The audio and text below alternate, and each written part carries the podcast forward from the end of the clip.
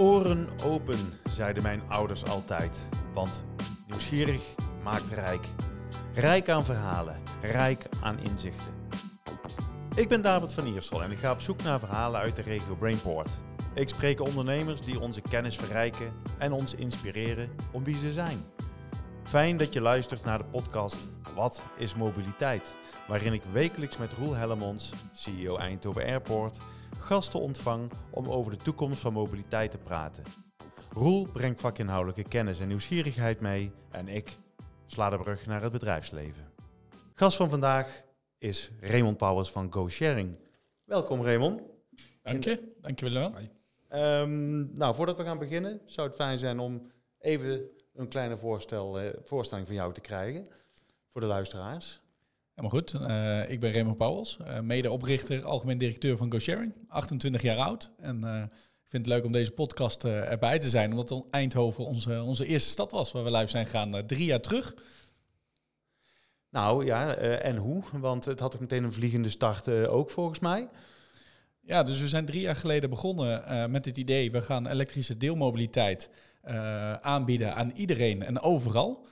Met die insteek zijn we niet begonnen met de welbekende stepjes die je van het buitenland uh, kent. Omdat wij gingen kijken en we zagen, ja, die werden iedere avond van straat gehaald met, met benzinebusjes. Die gingen gemiddeld 60 tot 90 dagen mee. Dus we zeiden, als wij deelmobiliteit aan gaan bieden, gaan we het echt duurzaam doen. En op een manier dat iedereen er gebruik van kan maken. Ja, het is natuurlijk geweldig om te zien dat dat dus is aangeslagen. En dat we nu binnen drie jaar uh, 15.000 voertuigen hebben. Grootste elektrische scooterdeelmobiliteit aanbieden ter wereld zijn. En dit in zes landen mogen aanbieden. Zes alweer inmiddels. Ja, ongelooflijk. Ook een jongensdroom of niet? Nou, ik, ik had niet durven te dromen dat op mijn 25ste, toen we hiermee gingen starten, toen, uh, dat het zo groot zou worden. We hadden toen, ik weet nog op het begin, uh, dat was in Waardenburg, waar we zaten. Uh, en daar kocht ik de eerste drie bureautjes. En toen keek ik om me heen en toen dacht ik, ja, wie ga ik ooit zo gek vinden? Om in Waardenburg bij mijn idee te komen werken. En het is natuurlijk geweldig om te zien dat we nu 300 medewerkers hebben. Ongelooflijk. En hoe, hoe kwam je er zelf zo in terecht? ik heb sowieso een hele, hele ondernemende familie. Uh, mijn ouders hebben een winkel gestart met elektrische mobiliteit. Fietsen, high-speed pedelecs waren toen nieuw en ook elektrische scooters. En uh, zo ben ik bij mijn eerste job gekomen. Een van die merken, een Duitse leverancier, die zei... Ja, wil je niet in Benelux een dealernetwerk opstarten? zoals traditioneel gewoon een showroom is met een product. daar heb ik zeven jaar lang gewerkt. En de laatste vier jaar alleen maar gefocust op export en vooral sharing projecten. En het leuke was, ik heb toen bij, bij 20, 25 partijen in de keuken mogen kijken mogen zorgen dat zij onze producten gebruikten. Uh, maar wat we zagen, het is zo'n nieuwe markt. Dus je wil niet alleen een voertuig, je wil ook service, je wil software, je wil hardware. Je hebt alles nodig om er een succes van te maken. Ja. En nadat we dat heel vaak hebben kunnen verkopen, uh, dacht ik van ja, dat is leuk in het buitenland, maar ik wil het hier. We moeten het tastbaar maken, we hebben schaal nodig, uh, we willen het zelf doen. En, en hoe kwam het dat je toen in Eindhoven begon? Nou, we zijn op het begin gaan kijken van uh, deelmobiliteit. Het, het vreemde is, waarom zit dat alleen in de grote steden? Waarom in de Amsterdams en Parijs en, en Berlijn van deze wereld is zoveel deelmobiliteit? Terwijl als je dan gaat kijken naar de kleinere steden, Eindhoven is natuurlijk niet klein, maar als je kijkt naar de, de wereldsteden, is, is Eindhoven, maar ook de andere steden. We zitten in Brabant in, in bijna iedere stad, of gaan we nu starten? Dus Tilburg, Breda, Den Bosch. Waarom is daar geen deelmobiliteit? En we zijn gaan kijken uh, van waarom is het er niet en waarom kunnen wij dat wel? Nou, het verschil is, de meeste eh, die kloppen een Excel. En die zeggen, ja, de meeste mensen wonen met de grootste dichtheid in de grote steden. Alleen, daar kan ik ook een Uber boeken. Uh, daar kan ik ook uh, openbaar vervoer op 18 verschillende manieren is perfect ingeregeld.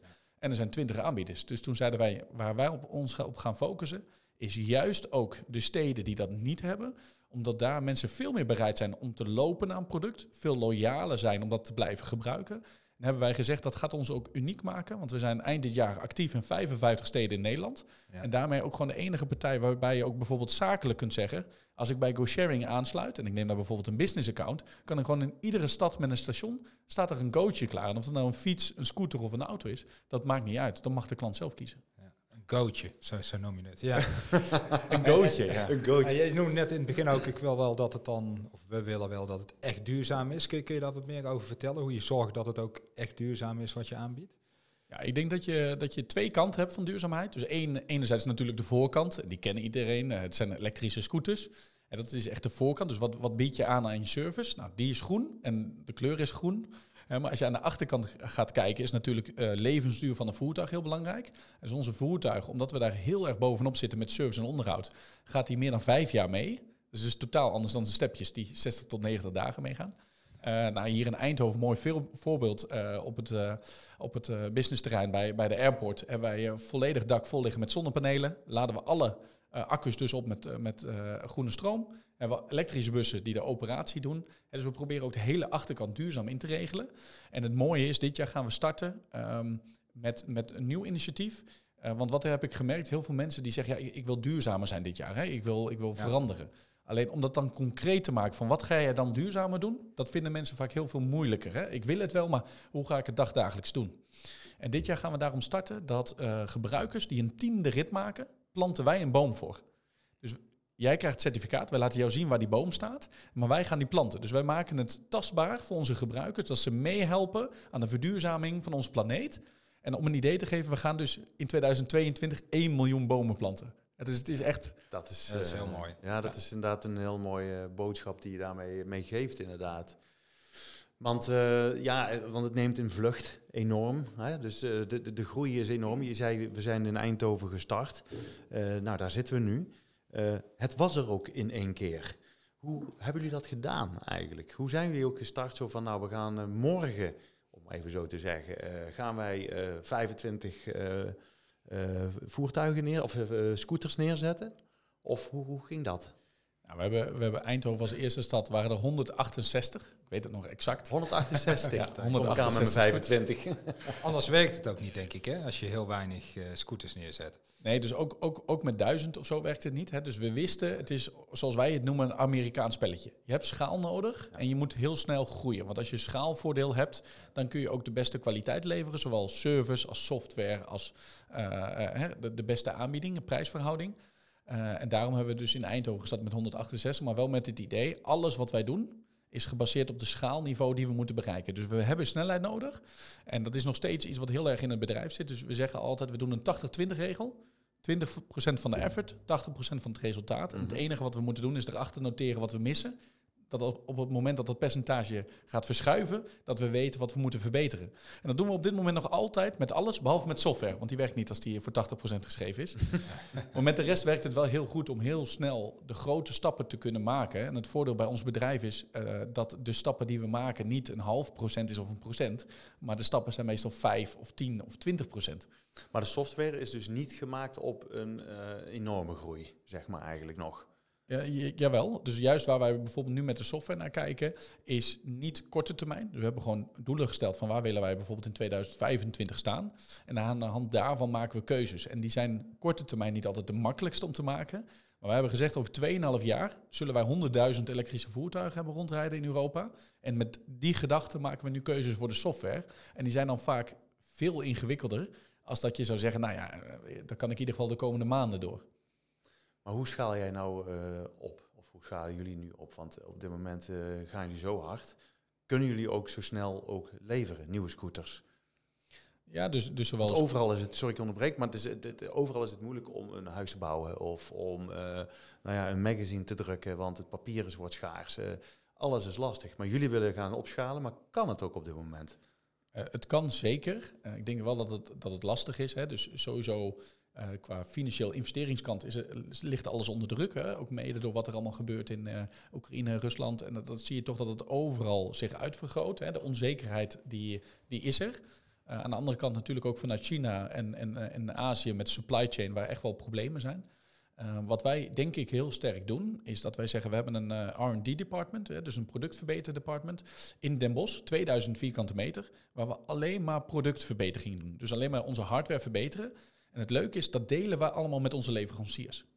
Maar daarvoor terug, dat we al die verbeteringen doen die ze eigenlijk daar niet voor elkaar krijgen, willen we wel voorrang op supply chain, zekerheid van levering en exclusiviteit in onze markten voor sharing. dus het is natuurlijk een, een ruilverhouding in kwaliteit en in, in, in, in dingen die wij uh, toevoegen. Dat we niet een cijfertje zijn, maar dat we echt een goede samenwerking hebben. Kun, kun, kun je ons dan eens meenemen, bijvoorbeeld hoe je dat in Turkije hebt gedaan? Toch, toch een heel ander land, andere cultuur. De besluit je, daar gaan we ook aan de slag. Hoe is dat gegaan? Ja, Turkije is denk ik wel het mooiste voorbeeld. Hè. We zeiden altijd, uh, ondanks dat de benaming misschien niet goed is, wij doen een olievlek. Maar uh, de olievlek heeft een paar uh, spatjes erbuiten gehad, waaronder Istanbul. ja. Uh, nee, ja, Istanbul, denk ik, geweldig voorbeeld waarbij wij zeggen, ja, wij willen niet alleen in, in de steden, hè, de Barcelona en de Madrid uh, zitten van Europa. Nee, wij willen mobiliteit beschikbaar maken voor iedereen. En als je kijkt met 16 miljoen mensen in Istanbul, daar is een mobiliteitsbehoefte. Ik, ja. ik, ik, ben er zelf een paar keer heen geweest. Daar sta je 2,5 uur stil om, om in het centrum te komen. Hè, dus de behoefte is er. Uh, het gemak om daar te starten is er niet. Daarbij zeggen we, ja, dat is een uitdaging. We houden van uitdagingen. dus voor ieder land we hebben gewoon een heel goed lokaal team. Echt ondernemend team die het runt als hun eigen business. Dus ook in Istanbul. Um, en we zien dus wel, ja, extreem lastig. Ik bedoel, Turkse lira is gehalveerd in waarde. Uh, de, de, de, alle problemen die je kunt voorzien, die hebben we daar gehad. Uh, maar aan de andere kant, ja, Turkije is geweldig. Maar in Istanbul heb je wel gewoon eigenlijk 20, 25.000 voertuigen nodig. Wil je echt beschikbaar maken voor iedereen. En dat is een beetje hetzelfde als je de schaalmodel verkleint naar Eindhoven is denk ik wel het grappige wat we zien. Eindhoven, 200 voertuigen op dit moment. 200 scooters, 200 fietsen. Uh, ik denk het mooiste voorbeeld, Eindhoven Airport. Hè, laten, we het, uh, laten we het hier binnen de groep houden. Ja. Uh, goede pilot mee gehad, waarbij Eindhoven Airport heeft gezegd... dit is geweldig voor onze medewerkers die juist komen wanneer het openbaar vervoer niet perfect bij ons aansluit. Dus wij zijn zeer geïnteresseerd om 60 voertuigen op dagelijkse basis te gebruiken. Ja. Omdat we zien dat dat het uh, een groot voordeel is. Het nadeel is, onze totale vergunning in Eindhoven is 200 voertuigen dus ergens moeten we natuurlijk de acceptatie krijgen vanuit het gebruik. En daarmee ook samen met gemeentes kijken hoe kunnen we zorgen dat het beschikbaar wordt voor iedereen. Het grootste probleem van deelmobiliteit is nu dat het gewoon. Je hebt niet de zekerheid, s ochtends als je naar buiten loopt, dat die er staat. Nee. En dat moeten wij creëren. Dus in jouw ogen zou dat uh, aantal hoger moeten? Uh, of, of heeft de gemeente hier wel een punt om het ergens te begrenzen? En, en klopt die begrenzing ook? Dus ik, ik ben voorstander van vergunningstrajecten. Ja. Dat geeft gewoon een goede kwaliteit mee. En het geeft ons de zekerheid om daar ook een, een business op te bouwen. Aan de andere kant moeten de aantallen wel echt veel hoger. Hè? Dus het is niet verdubbelen, maar het is echt veel hoger. Als je kijkt, Eindhoven, 200.000 mensen. Maar als je gaat kijken hoeveel mensen hier komen om te werken... dan ga je niet veel doen met 200 scootertjes of 200 fietsen. Uh, en daarin moeten denk ik wel stappen gemaakt worden. Van, uh, laten we nou samen kijken van wat is nou de vraag? Wat is het aanbod? En hoe kunnen we dat op elkaar laten matchen? Uh, en dat, daar moeten wel snel stappen in gemaakt worden. En daar moet ook de infrastructuur in de stad voor aangepast worden. Maar betekent dat, ja precies, dat moet aangepast ja. worden, de infrastructuur. Dat kan me zo voorstellen. Want nu staan voor, voor het gevoel de, de scooters en de fietsen zeg maar random door de stad. Um, je gaat dan bijna denken aan het aanleggen van een soort van go-stations, of uh, hoe je het noemen wilt, of platforms. Um, hoe zie jij dat? Want als je gaat flink gaat opschalen met de aantallen zoals jij dat het liefst zou willen, dat betekent ook met uh, ja, het, het, visuele van de ja. stad gaat, gaat er ook mee te maken krijgen. Zeker, dus daar werken we ook mee samen met de gemeente en proberen we ook aan de hand van onze data te laten zien van waar moet dat nou. En uh, ja, het is ook wel een verantwoording voor beide. Hè. Als, je, als je deelmobiliteit geen plek geeft, gaat het ook nooit werken. Hetzelfde als dat de hele centrum vol staat met auto's, daar is plek voor gecreëerd, die houden we vast, dus werkt dat systeem nog. Uh, als wij nu laten zien met de hotspots die we hebben, en die zijn heel, heel gemakkelijk te zien, dat is een bedrijventerrein, universiteit, centraal station, Centraal Station Rotterdam bijvoorbeeld is plek voor 40 scooters. En dan rijden er 4000 deelscooters rond. Dan gaat er iets fout. Dat kan ik je vertellen. dus we moeten samen gaan kijken hoe gaan we ervoor zorgen dat de infrastructuur zich aanpast op deelmobiliteit. Want hoe mooi is het als er bijvoorbeeld 11 fietsen op één autoparkeerplaats uh, passen, die meer dan vijf keer per dag gebruikt worden, dan, dan wordt die, die ruimte, de schaarse ruimte in het centrum, beter gebruikt. Alleen, er moet wel ruimte gecreëerd worden. En dan kunnen wij daarmee met, met hotspots, en dan hoeven geen go-spots te zijn, dan mag ook gewoon deelmobiliteit. Mm maar we moeten wel samen daar een plekje in geven. En daarin zoeken we samen met werkgevers uh, een mogelijkheid om daar meer plek voor te geven. Dat ze niet verstrooid staan, maar één centraal punt, waarbij mensen de zekerheid hebben op, op, op mobiliteit. En anderzijds ook met de gemeente om te kijken, die hotspots die wij heel goed kunnen aantonen, hoe gaan we daar nou voor zorgen dat er ook ruimte gecreëerd wordt voor spelers als co-sharing? Ja, ik denk dat we op de airport daar een mooi voorbeeldje van, uh, van hebben laten zien. Waarin we inderdaad uh, hebben gesproken over die deelmobiliteit die wij belangrijk vinden. Maar willen voorkomen dat die scooters overal voor de terminal uh, staan en liggen. en hebben een mooie plek ingericht. En is het ook heel goed vindbaar, de kwaliteit is goed en het is gewoon ja, ook wel de ruimte waard. Dus dan kun je het heel goed inrichten. Maar je moet daar wel samen over nadenken. En ik ben het met je eens, een auto staat er soms minimaal een hele dag stil. En als ik zie hoeveel uh, dynamiek er is op zo'n zo'n deelmobiliteit met de scooters, hoe vaak die gewisseld worden, ja, is het ook echt wel waardevolle ruimte die je goed, goed benut. Ja. ja, en een mooi voorbeeld. Hè? Dus er is een mooi parkeerplek direct voor de terminal, voor de go-sharing voertuigen. En het leuke is dat je gewoon, je ziet mensen gewoon al automatisch daarheen lopen omdat ze weten, daar staan ze, daar zijn ze beschikbaar. Uh, en zowel reizigers, maar vooral ook personeel die daar gewoon echt iedere dag gebruik van maken. En, en dat is het mooie, want dan wordt het ook een vervanging van je eigen voertuig, waar het uiteindelijk heen moet.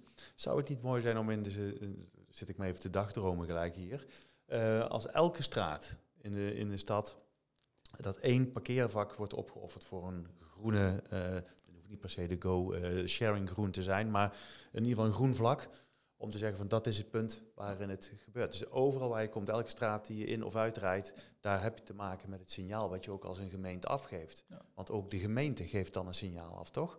Ja, ik denk dat, dat op termijn moet het daar ook heen gaan. Hè. Dus, dus het free floating, zoals we het noemen, hè, overal mogen parkeren, heeft een voor, voordeel, maar station-based ook. Dus ik geloof heel sterk in een hybride model. En een mooie voorbeeld is, dit jaar gaat dat in Den Haag volledig uitgerold worden. Dus wat zie je daar? Iedereen gaat in de zomer naar het zwarte pad. Dus wat gebeurt er? Zwarte Pad is helemaal vol. Zwarte Pad is bij Scheveningen, waar je naar het strand kunt, volledig vol. Nou is dat het voordeel, dat zijn scooters en fietsen, dus dat is al beter dan de auto's.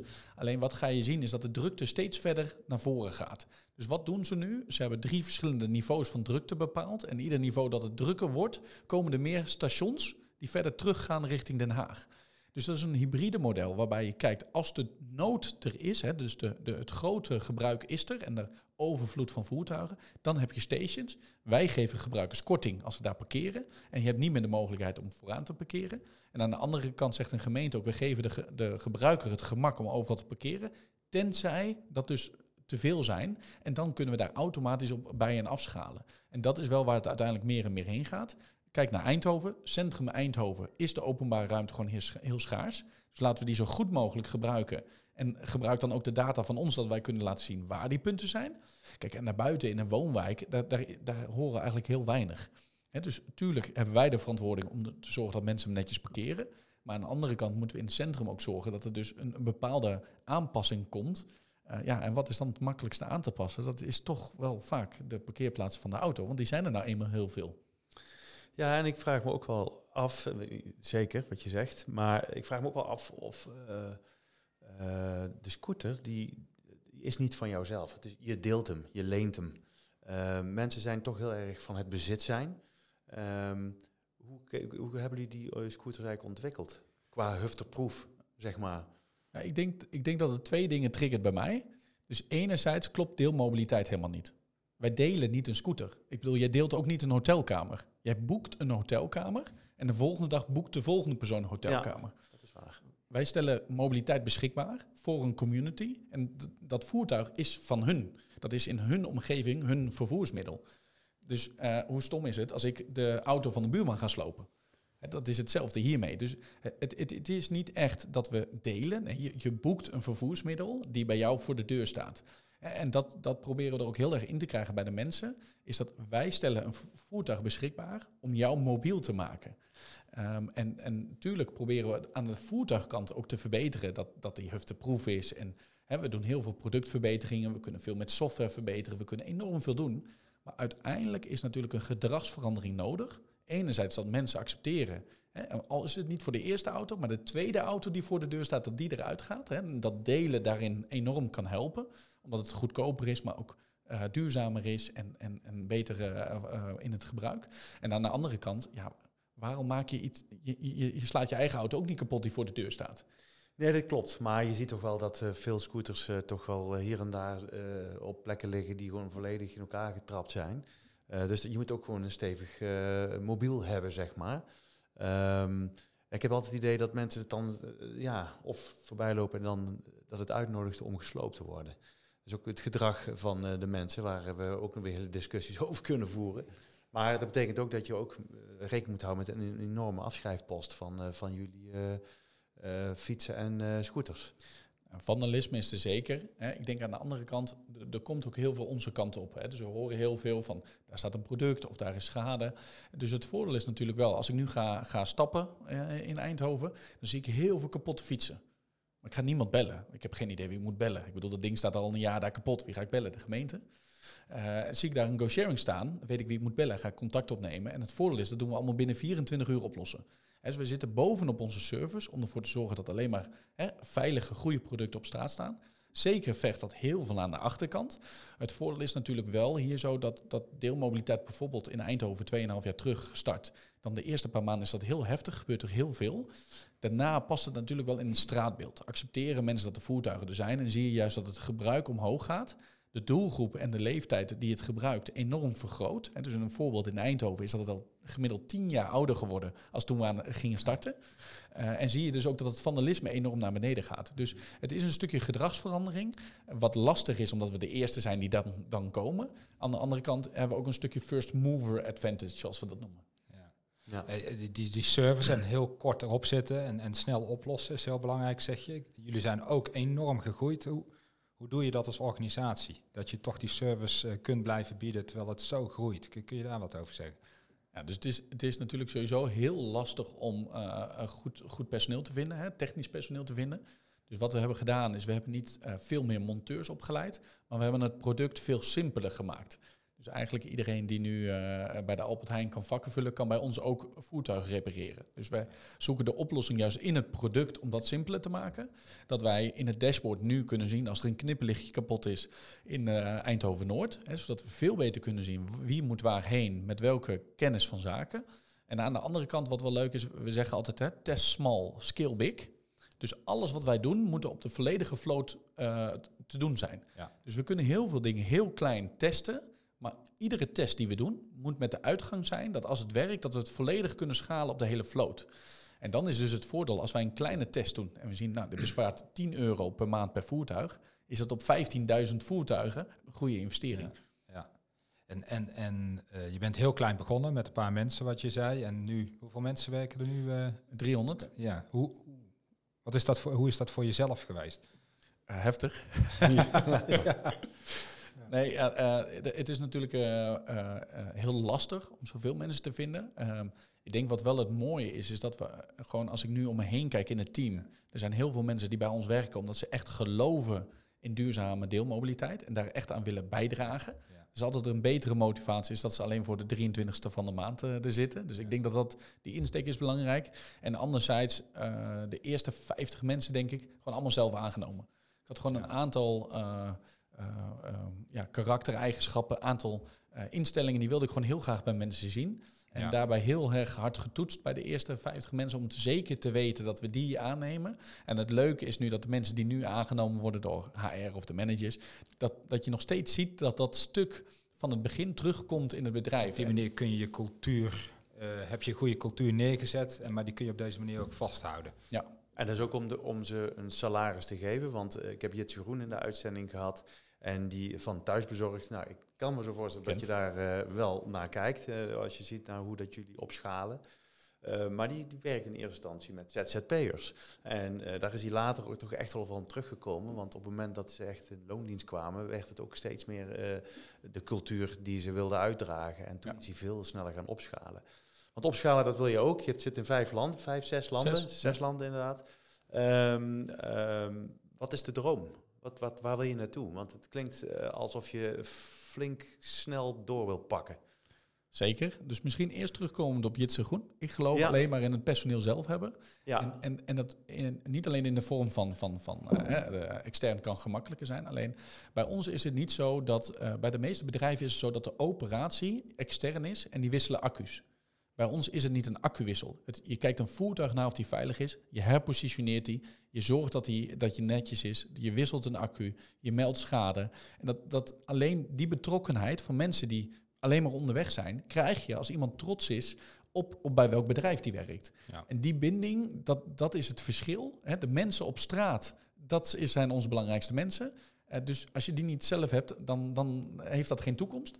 Uh, dus dat in ieder geval één. Ik denk twee. Wat, Plus, sorry ik je onderbreek, zij spreken ook de mensen op straat. Ja, dus, zij, ja. ja zij, zij, zien het product, zij horen de mensen, zij zijn het gezicht van ons bedrijf die gezien worden op straat. Ja, als daar dan, dan een, een, een, een heel totaal iemand anders rondloopt die per accu betaald wordt, dan gaat het niet hetzelfde eruit zien. Aan de andere kant, wat is de droom? Ja, de droom is toch wel dat, dat de volgende generatie, zoals ik het noem, hè, ik heb zelf geen kinderen nog. Uh, de twee andere medeoprichters wel. En die konden het heel mooi vertellen. Die zeiden ook, ja, mijn kinderen, ja, die zijn nu rond, rond tussen de vijf en de tien. Als die 18 worden, dan is de droom dat die niet vragen aan uh, papa en mama voor een auto. Maar dat die het appje openen en dat delen het nieuwe normaal is. En dat ze eigenlijk ons belachelijk maken dat wij gewoon voor 500 euro per maand zo'n ding voor de deur hadden. Dus delen moet het nieuwe normaal worden. Ja. Uh, en ik, ik geloof er ook echt in dat het zoveel beter kan met delen. Uh, dat, ik, uh, ja, dat ik er iedere dag als een hobby in zit. En denk je dat dat ook overal gaat gebeuren? We hebben eerdere gesprekken gehad in deze podcast, waarin wel heel duidelijk verschil wordt gezien tussen echt stedelijk gebied en veel meer het buitengebied. en ik kan me voorstellen dat voor een buitengebied de uitdagingen toch wel groter zijn om geen auto op je eigen oprit te hebben. Ja, dus ik denk zeker dat die per, per stad, dorp, kleine stad en regio er anders uit gaat zien. Uh, alleen dat deelmobiliteit daar een rol in gaat spelen, 100% zeker. En ik denk wel het verschil dat steden zullen waarschijnlijk mensen echt van de auto afgaan. Ja. Als je gaat kijken in regio's waarin wij actief zijn, dat is het mooiste stukje, want daar kun je de autorit vervangen. Alleen, uh, wat zie je? De meeste bedrijven die bieden of een fiets aan, of een scooter, of een auto. Wij bieden alles aan. Dus wij kunnen veel beter kijken van waar past ons product exact. Uh, en als je nu kijkt, wij steden vanaf 50.000 inwoners met een station, daar zijn we actief. Als je in Eindhoven kijkt, we zijn zelfs actief in Nune en in Best en in Gelderop. Omdat we ook zien dat daar heel veel ritten zijn. Ja. Um, dus gaat dat daar de eerste auto vervangen? Heel lastig. De tweede denk ik wel. En ik denk wat nu heel gaaf is om te zien, is dat we heel veel regio's aan het kijken zijn. Oké, we, we, hebben namens bekendheid. Iedereen heeft het appje, iedereen wil het gebruiken. Uh, maar in de buitengebieden, uh, daar, daar zitten we nog niet.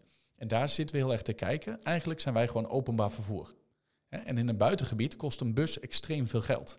Dus zijn we nu aan het kijken, met die buitengebieden, kunnen wij niet de vervanging zijn van de bus. Dus wij willen natuurlijk vanuit oudsher vervanging van de auto. Maar als een gemeente zegt, openbaar vervoer kan niet uit, dat willen we stoppen. Hoe mooi is het dan dat je openbaar vervoer, wat 24-7 beschikbaar is, in die steden gaat inzetten als openbaar vervoer.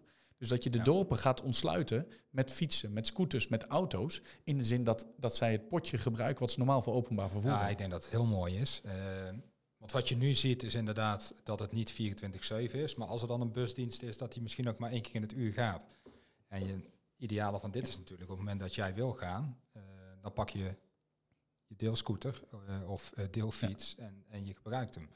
Dus ik denk dat dat best wel een uh, mooie, mooie benadering is om naar die uh, mobiliteitsbehoeften te kijken, ook vanuit regio's. Ja.